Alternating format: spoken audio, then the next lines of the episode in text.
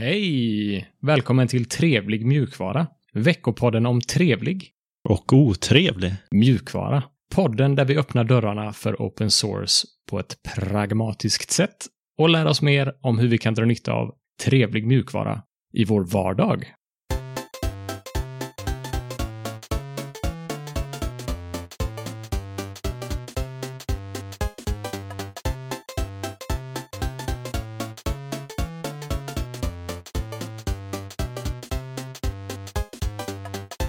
Hallå, hallå! Här är Sebastian och med mig har jag Alex. Hur är läget? Hej, hej. Ja, det är bra. Rulla på. Gott. Vad händer annars? Ja, jag har ju fått hem min uh, Pinephone och har inte hunnit greja så mycket med den. Men det är spännande ändå. Ja, du har inte dragit av eh, skyddsplasten på den, har jag hört. Men du har unpackat den. Mm, men det ska vi väl prata lite mer om sen i utmaningssegmentet. Ja. Vad ska vi mer prata om idag då? Ja, det blir lite nyheter, otrevligheter, trevligheter och sen lite uppdateringar på din Pinephone och mitt eh, Linux-äventyr. Ja, men först lite nyheter.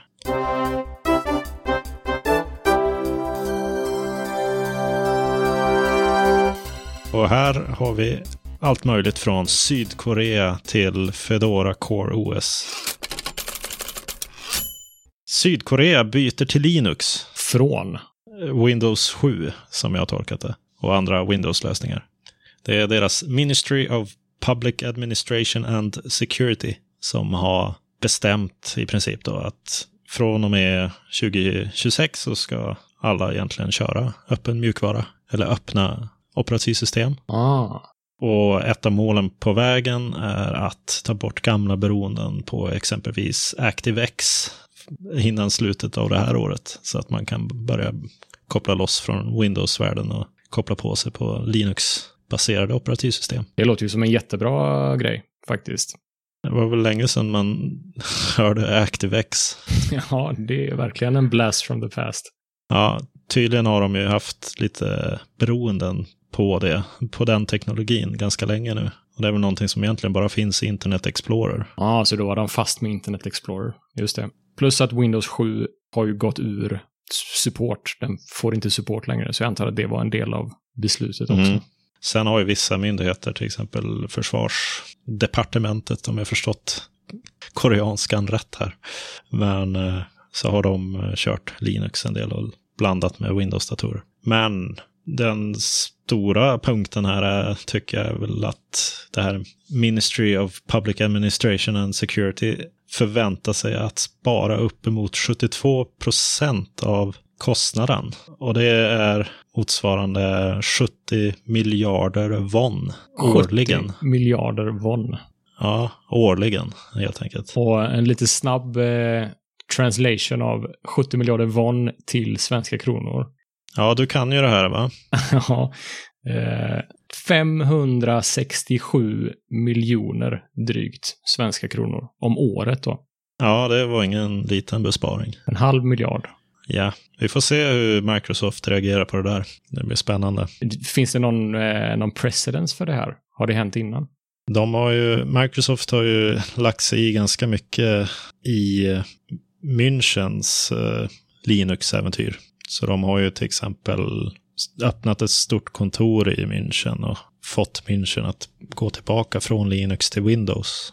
Eller det är ju en process som fortfarande pågår och man vet inte riktigt hur det ligger till där. Men det, de krigar ju på bra där, Microsoft. Ja. De gör ju allt för att behålla den kunden. Och frågan är vad de ska göra nu när hela sydkoreanska regeringen med alla deras departement ska byta till Linux. Det kommer vi nog, det här är nog inte det sista vi hör om det här, tror jag. Godot, eller Godot, tror jag det uttalas, får en Epic Mega Grant. En Epic Mega Grant. Det är alltså eh, utvecklarföretaget Epic, spelföretaget Epic är de också känt som, eh, som har någonting som de själva kallar för megagrant som är en stor eh, summa pengar som de ger till behövande, ofta till open source-projekt. Eh, Så då är det Godot då som har fått eh, deras senaste Megagrant. Eh, och eh, open source-initiativ som Krita och Blender och Lutris har också fått megagrants tidigare. Hur mycket pengar är det i ett megagrant? Det är 250 000 dollar som de eh, donerar till Godot. Ja. Vad är Godot för någonting? Mycket bra fråga. Godot är en open source spelmotor. Varför gör de det här då? Har de inte en egen spelmotor? Jo, precis. Det har de. Så eh, anledningen till att de gör det här kan jag inte svara på. Eh, riktigt. Det är väldigt eh, konstigt beteende från dem när de, de verkar inte väldigt måna om att eh, få sina produkter att köra på Linux.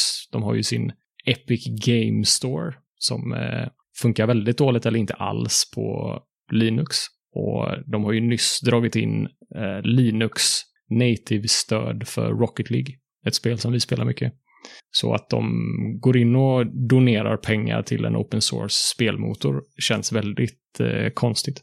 Är det ett spel för gallerierna kanske? Det skulle ju kunna vara 250 000 dollars eh, bra marknadsföring som de lägger. Absolut. 250 000 dollars goodwill. Ja, precis. Det finns ju också en teori om att de försöker fasa ut Unity, som är, är väl deras stora competitor när det kommer till eh, spelmotorer.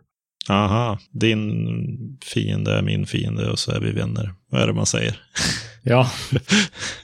ja, men Unreal Engine är ju deras spelmotor och den riktar ju så mycket mot stora, stora företag. Eh, så att Unity är väl en väldigt populär spelmotor när det kommer till indieutvecklare. Och Godot håller på att ta en, en chunk av den marknaden. Så det kan ju hända att Epic vill se att Godot tar en större del av den marknaden och på så sätt fasar ut Unity på något sätt.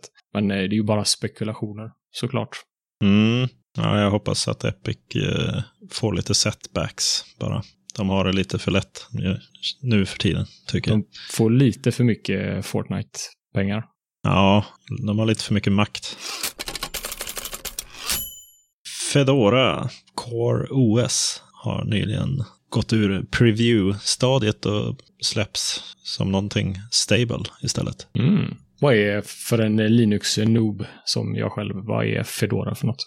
Fedora är ju en distribution som hänger ganska mycket ihop med Red Hat. Det brukar ses som Red Hats cutting edge release. Den är ju öppen och alla kan ladda ner och installera Fedora. Och den drivs ju egentligen separat från Red Hat. Men Red Hat testar mycket av sina teknologier i Fedora och tar in det i Red Hat när den har mognat i Fedora. Ja, ah, okej. Okay. Jag förstår. Och Core OS är någon speciell eh, Fedora Edition, eller? Ja, det är en slags eh, serverdistribution som eh, egentligen är gjord för att köra containrar och Docker bland annat. Okay. Så den ska egentligen fungera av sig själv. Man ska inte behöva vara inne och fippla så mycket i just Core OS, utan den ska uppdatera sig själv automatiskt och bara rulla och köra ens eh, containrar utan problem. Okej. Okay. Vi har ju något som heter, eh, vad heter det andra populära container management-verktyget? Kubernetes. Kubernetes, precis. Det är ju inget operativsystem, men vad är, vad är skillnaden? för Core OS verkar ju ha lite samma löser lite samma problem som Kubernetes gör? Nej, Kubernetes är väl en teknologi för att orkestrera alla de här maskinerna. Sen kör väl de enskilda maskinerna, exempelvis Core OS. Så Kubernetes i sig kör ju inget, utan det är ju mer en, eller det kör ju Kubernetes-motorn som orkestrerar allting, men det är inte ett operativsystem som man installerar. Man installerar ju Kubernetes på någonting och då kan det ju vara exempelvis Core OS. Ja, okej. Okay. Så det är de själva, själva containrarna som kör eh, Core OS? Ja, containrarna kör på Core OS. Men containrarna i sig kör inte Core OS? Nej, de brukar köra något ännu mer lightweight. Ja, typ Alpine Linux och väldigt nedskalade varianter av Ubuntu som är väldigt små. Ja, det är en djungel det där med containrar för mig. Ja, den är någonting som håller på att växa fram. Så det blir väl mer och mer. Det går från klarhet till klarhet här. ja.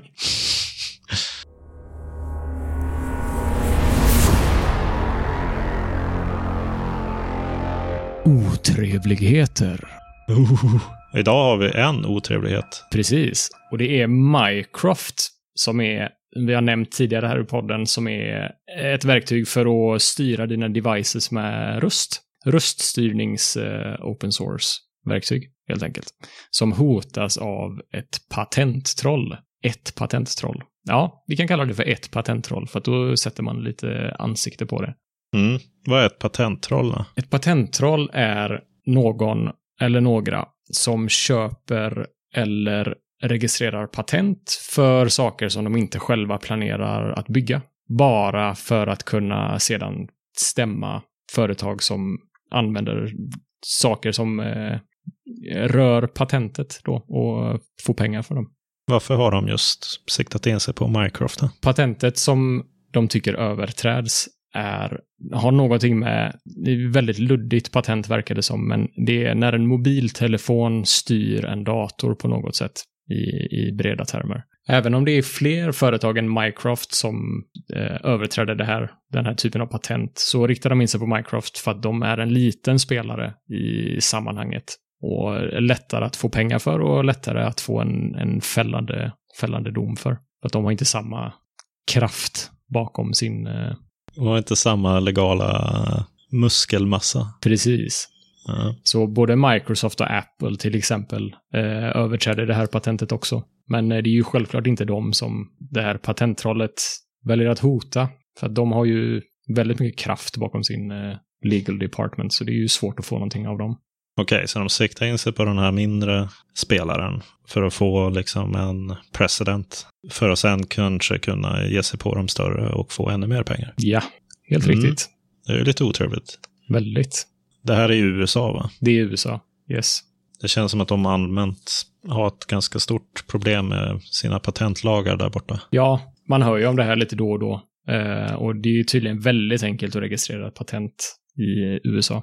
Mm. Det är väl även så att Shotwell och Gnome Foundation håller på att kriga mot ett annat patenttroll också. Över någon liknande trivial grej som patenttrollet tydligen har patent på. Ja, det är ju tråkigt. Det gynnar ju inte utvecklingen direkt. Nej, det gynnar ju ingen förutom patentrollet. Vad brukar man använda för, eller vad är liksom syftet med patenten ursprungligen? Det kan ju inte vara det här. Nej.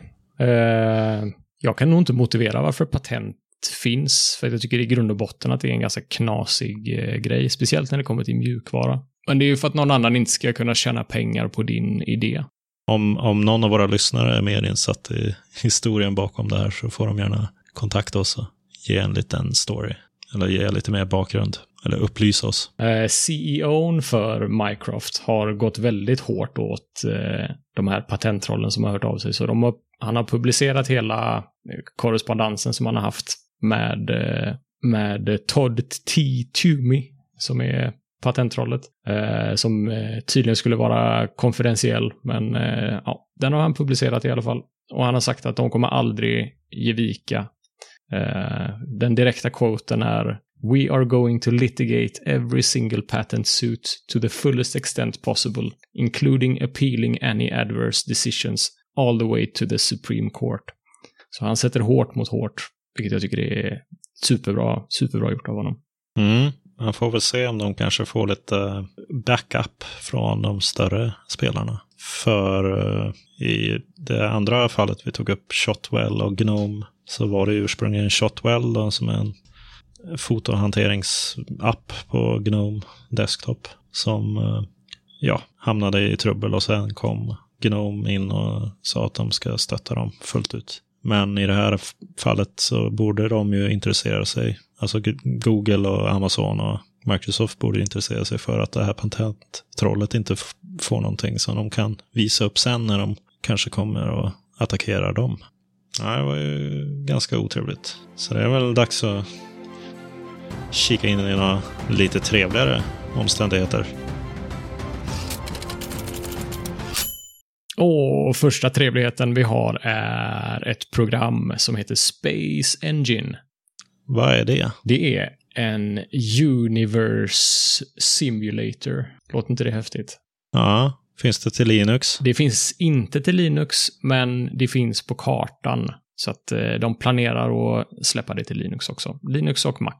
Men just nu finns det bara till Windows, tyvärr. Den eh, Space Engine tickar ju inte riktigt alla boxar. Eh, den är ju bland annat closed source och den finns inte till Linux och Mac, eh, vilket är synd. Men eh, det är ändå en häftig mjukvara som är trevlig på några sätt åtminstone. Värd att snacka lite om. Kan ju flika in och säga att det verkar fungera via Proton. Ah, och det kollade du på Proton DB eller? Ja, precis. Den har en gold rating. Snyggt.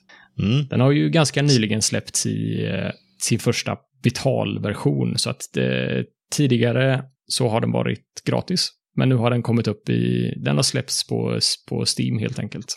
Så det är väl anledningen till att den funkar med Proton då också, vilket är superbra. Mm. Målet med Space Engine är att skapa ett, en realistisk eh, virtuell universum. Så att eh, man importerar all öppen data som finns som man kan få tag på om stjärnor och planeter och galaxer och all möjlig data helt enkelt. Och så gör man en stor 3D-modell av det som är utforskningsbar på din dator. När man startar programmet så känns det som att man flyger runt i någon slags eh, rymdfarkost. Och så kan du flyga till månen, du kan eh, titta på jorden, du kan flyga utanför vårt solsystem, du kan flyga till Andromeda-galaxen, eh, du kan flyga till eh, universums yttre gräns, du kan flyga precis vart du vill. Vad, hur vinner man då? Det finns ingen, den är inte gamified överhuvudtaget. Så det är bara exploration, helt enkelt. Man utforskar all öppen känd data som finns där ute. Exakt. Den är också procedural, procedurally generated. Mm. Så att den fyller i eh, hålen, så att säga. Vi har inte mappat hela universum, uppenbarligen. Eh, men ändå så kan man browsa hela universum i, eh, i den här appen. Så att den fyller i hålen med, ja, den gissar helt enkelt hur, hur saker ser ut. Hur stor är, är det på disk? Eller vad? Det Det måste ju vara gigantiskt eller? Det är 4 gigabyte stort i standardutförandet, men 50 gigabyte stort om du vill ha alla DLC, all downloadable content, så texturer och eh, extra prylar helt enkelt. Ja, det är inte... Ja, det var ju inte extremt ändå.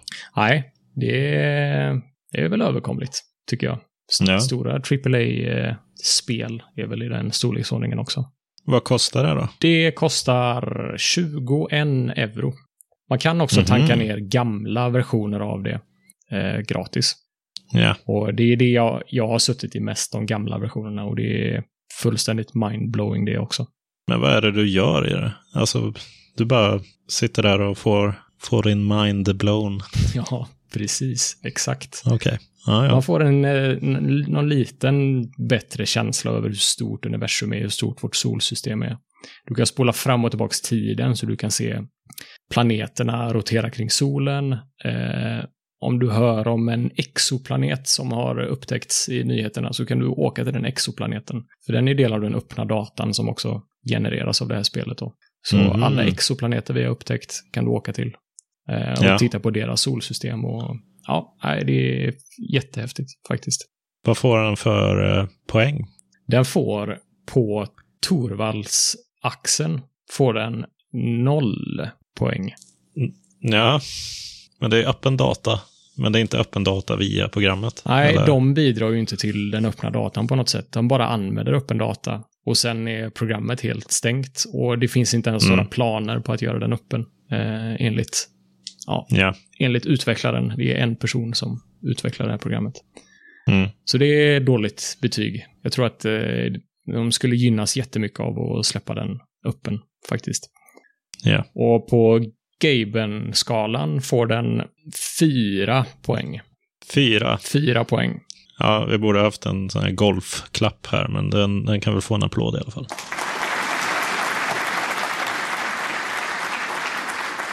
Det var ju inte... Det var ingen åtta. Det är ingen åtta. UI är eh, s- eh, och svårt att hantera. Eh, Ja. den enda vinningen är egentligen ja, det som programmet är till för. Eh, att det är jättefascinerande att flyga runt i rymden. Och det är, Mm. vackert, ska jag säga. Det är jättesnygga ljuseffekter och eh, texturer och så vidare. Så det är därifrån de fyra poängen kommer. Men eh, UIT ger den inte några extra poäng. Nej, ja, det blir ju fyra gånger noll. Så det är noll trevlighetspoäng då. Det är ju en liten flaw i det här systemet. Ja, men eh, är det inte någon del som är öppen house? Eh, nej, Ja, Eller ja, okej. G- Nej, den är inte öppen, men gamla versioner är gratis. Så den kan vi få ett Ja. poäng då. Ja, Så får den fyra totalt. okej. Fyra poäng på trevlighetsskalan. Ja, trevligt. Eller lagom trevligt. Lagom trevligt. Halt and Catch Fire har du lagt in, Seb. Och det är ju någon slags tv-serie som både du och jag har sett. Yes, precis. En lite ovanlig eh, trevlighet. Vad är det som är trevligt med den då? Den är ju inte öppen eh, på något sätt och det är ingen mjukvara. Eh, men däremot så handlar den om eh, mjukvara på något sätt. Så att eh, den utspelar sig på 80-talet i eh, USA. Mm. Och det är någon slags pseudo-universum, va?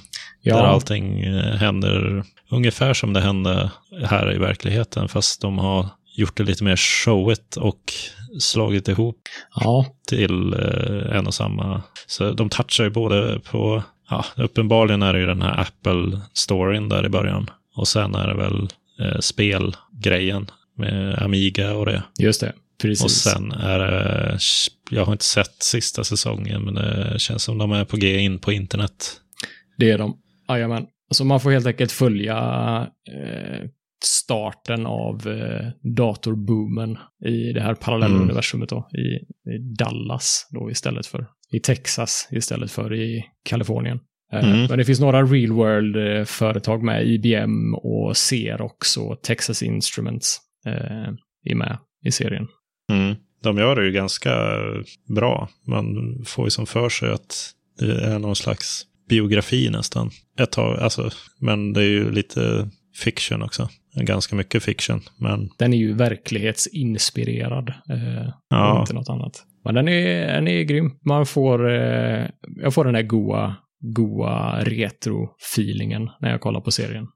Man känner igen sig mycket och vad skulle du ge den för trevlighetspoäng då? Eller hur ska man poängsätta den här? det är jättesvårt. Du kan få eh, göra ett försök. Du har ju sett den också. Ja, den får väl en fem i nöje, kanske. Ja, Vad blir det Gaben-skalan då? Nej, Det är nog okej. ja tycker jag. Eh, Sen, eh, ja, den får väl en etta. För man kan ju titta på den. Ja. Eh, Så fem poäng, trevlighetspoäng från mig då. ja, det ligger i linje med vad jag tycker också. Det var Mm. låg, låg score på våra trevligheter idag, men det var lite Ja. konstiga trevligheter också. Så. Ja, man får testa den skalan, eller den delen av skalan ibland också. Yes.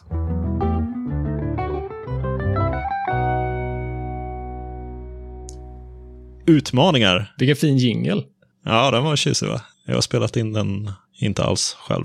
Men eh, ja, min Pinephone har kommit, som vi pratade om i början. Jag har eh, tittat på lådan, jag har hållit i lådan, jag har öppnat lådan och jag har tittat in i lådan. Och eh, det var inte mycket i den, det var en lapp med, eh, ja, med lite text om var jag kan eh, bidra med min eh, testning av det här. För det är en Braveheart edition. Så de förväntar sig ju att jag ska eh, gå in på deras forum eller chattkanaler och ja, ge lite feedback och hjälpa till där. Ja. Är det du som är Braveheart i den här? I den här? Ja, uppenbarligen. Jag har Ja, inte gjort den kopplingen innan, men det är klart. så eh, det var inga manualer eller så, utan det är en device och det är en röd USB-C-kabel med. Och that's it. Och den här devicen kan man ta ur, ur eh, lådan såklart. det, det ingick. Eh, sen kunde man, eh, man kan öppna baksidan. Eller det här, eh, som gamla goda telefoner, man kan öppna Skalet, liksom. skal, ja vad kallas det, bakluckan. Ja. Och där finns det ett batteri man kan byta, SD-kort och SIM-korts eh, eh, slots. Sen är det inte så mycket mer än det. Och den är väldigt, väldigt eh, plain. Den har liksom ingen branding eller någonting nästan. Schysst. Den är extremt clean för att vara... Ja, den var helt över förväntan rent polish. Alltså mobil, en fysisk mobil. Känns som en, eh, en riktig mobil helt enkelt. Känns den, är den byggkvaliteten bra?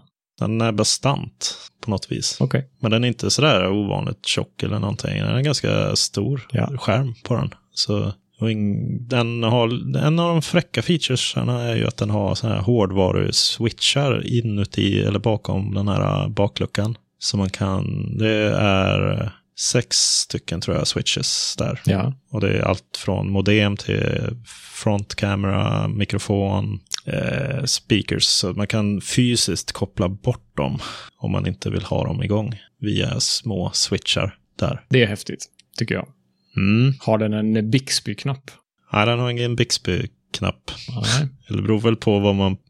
Det fina med de här är väl att man kan programmera dem till vad som helst. Men jag tror inte man kan installera Bixby på Linux. Nej, okej. Är det minuspoäng i din bok? Där då? Det, är, nej, det är faktiskt jättemycket pluspoäng. Bixby-knappen är det sämsta jag har hört i mitt liv. ja, min fru har en sån där telefon också. Hon stör sig varje gång hon råkar trycka på den istället för att höja och sänka volymen. Ja, precis. Så irriterande. Men ja, jag hämtade ut den i fredags kväll så jag har inte haft tid att analysera eller leka med den så mycket just nu. Nej. När vi spelar in det här avsnittet. Men tanken är väl att jag i nästa vecka ska börja testa lite OS. Spännande. En av de roligare grejerna som jag stötte på var ju att det finns en bootloader som eh, där man kan välja vilket OS som man ska köra igång. Mm, så du kan köra dual boot eller multi-boot. Jag multiboota olika grejer. Så det ska jag försöka få, få igång. Får jag requesta att du drar av skyddsplasten från den live i nästa podcast? Ja, det kan jag väl försöka samla mod till att göra. Jag vill höra när skyddsplasten Ja, ja. dras av. Ja, okej. Bra. Ja, men det kan jag försöka. Tack. Och du har ju kört Manjaro ett tag i alla fall. Jag har kört Manjaro ett tag, ja. Och jag har förvånansvärt lite problem. Jag har nästan inget problem som är eh, värt att snacka mer om, utan saker har bara funkat och rullat på. Eh, Det är lite tråkigt för podcastens skull, för jag skulle gärna vilja fråga dig om råd och försöka bena ut oklarheter, men det har inte varit några oklarheter. Ja, det låter ju trevligt. Det är väl egentligen någonting positivt. Ja, En lite märklig sak. jag vet inte om den är märklig, men jag bootade in i Windows häromdagen för att jag behövde Windows för jobbets skull. Och sen blev jag kvar i Windows. Och jag har inte bootat in i Manjaro igen. Så nu har jag suttit på Windows i tre dagar. Jaha. Ja, det är ju det där jag känner igen när jag hade både Windows och Linux på samma. Då var det lätt att man bara var kvar i Windows när man råkade hamna där en gång. Ja, I alla fall i början av övergångsperioden för sju åtta år sedan. Men nu har jag ju inte ens Windows på någon hårddisk. Så att, men jag känner igen det där lite grann ändå. Det är sådär, det är märkligt för att det krävs ju lite, det är ju inte jättejobbigt att starta om datorn. Och, men det krävs ju eh, lite energi för att boota in i Manjaro när jag redan sitter på Windows. Varför ska jag starta om min dator? Jag har allt jag behöver här på Windows. Ja, Så det krävs ju någon slags effort för att få gå över eh, 100%, har jag märkt. men har du inte... Du har alltså startat om datorn en gång på tre dagar? Eh, yes, det stämmer. Eh, jag, vill, jag hade en liten eh, pryl där på mitt Linux-äventyr. Att jag har hittat Ctrl-R i terminalen efter ett eh, tips från dig. Ja. Ja, den är ju ovärderlig. Hur häftigt som helst. Ja, det kan man tycka. Ja, som en Windows-användare så tycker jag det. Faktiskt. Jag vet inte. Jag använder ju den kanske var och vartannat kommando som jag skriver in. Får jag ut via den där Ctrl-R-featuren. Ja. Det är ju som en slags eh, en history-sök kan man väl säga i terminalen va? Ja, som tar fram då förslag på ja, tidigare kommandon man har skrivit som innehåller de tecknen som man börjar skriva. Just det, precis. Jag läste, jag blev lite intresserad av det här kontroll-R och hur man använder det på bäst sätt. Och jag läste ett tips om att man kan tagga sina kommandon också. Så om du skriver, eh, ja, vad skulle det kunna vara? Eh, yarn till exempel, som är ett kommando. Och sen mellanslag, hash-symbol och så någon av dina taggar. Mhm. Så kan man söka efter den taggen med Ctrl R. För att en, eh, en hash-symbol, det är bräd, brädgården, det är en kommentar. Så den har ingen inverkan på, på själva kommandot. Ja, just det. Så du kan tagga upp dina kommentarer. Jag skulle kunna tagga alla mina Node.js-kommentarer med Node.js till exempel. Och så kan man tabba igenom dem. Mm. Ja, det var ju ett fiffigt sätt att använda det på. Ja, jag tycker det. Har jag inte, har jag inte tänkt på själv faktiskt. Det vet vi ju vad det där ljudet betyder, eller hur? Mm. Vi är framme på våning fem. Precis. Nej, vi eh, har, vi får blicka inåt som du kallar det. Ta lärdom av vårt community. Ja. Vad är det vi lär oss idag? I veckans avsnitt så har vi lärt oss att man inte säger distrot, utan man säger distron. Och det är ju säkert någonting jag har sagt fel på. Jag tror jag säger båda. Och jag vet inte, jag tänker inte på vad du säger för jag har inte tänkt så mycket på det. Nej. Ja, men det stämmer. Det distrot är min favorit. Det är ju fel då. Ja, det ska vara den distron. Just det. Det säger ju sig självt. Distro står ju för distribution. Och det är ju en distribution och inte ett distribution. Nej, jag skyller på att jag inte har haft så mycket svenska Linux-kompisar innan. Nej, Jag har mest pratat med utlänningar och eh, de pratar ju inte svenska Nej. jag har pratat Linux med folk. Så då har jag inte fått, eh, jag är inte så bevandrad i den svenska lingot av Linux-termer kan man säga. nej, inte jag heller. Jag tycker att det känns jätte awkward, för att låna ett engelskt ord, att snacka om eh, teknik på svenska, faktiskt. Ja, det blir väldigt mycket eh, swinglish här. ja. Men det tror jag nog folk accepterar ändå. Ja, jag tror det blir lättare ju mer man pratar om det också. Så vi Ja. försöka tänka på det här. Mm. Tack så mycket hund från eh, vår, vårt mastodonhem, Linux-kompis. Det var all trevlig Och otrevlig. Mjukvara vi hade för denna veckan. Och gärna av er till kontaktet trevligmjukvara.se Och följ oss på ett trevlig mjukvara på Twitter. och Mastodon. Just det. Om ni vill fortsätta snacka eller ge någon annan input. Och vi finns också på Telegram.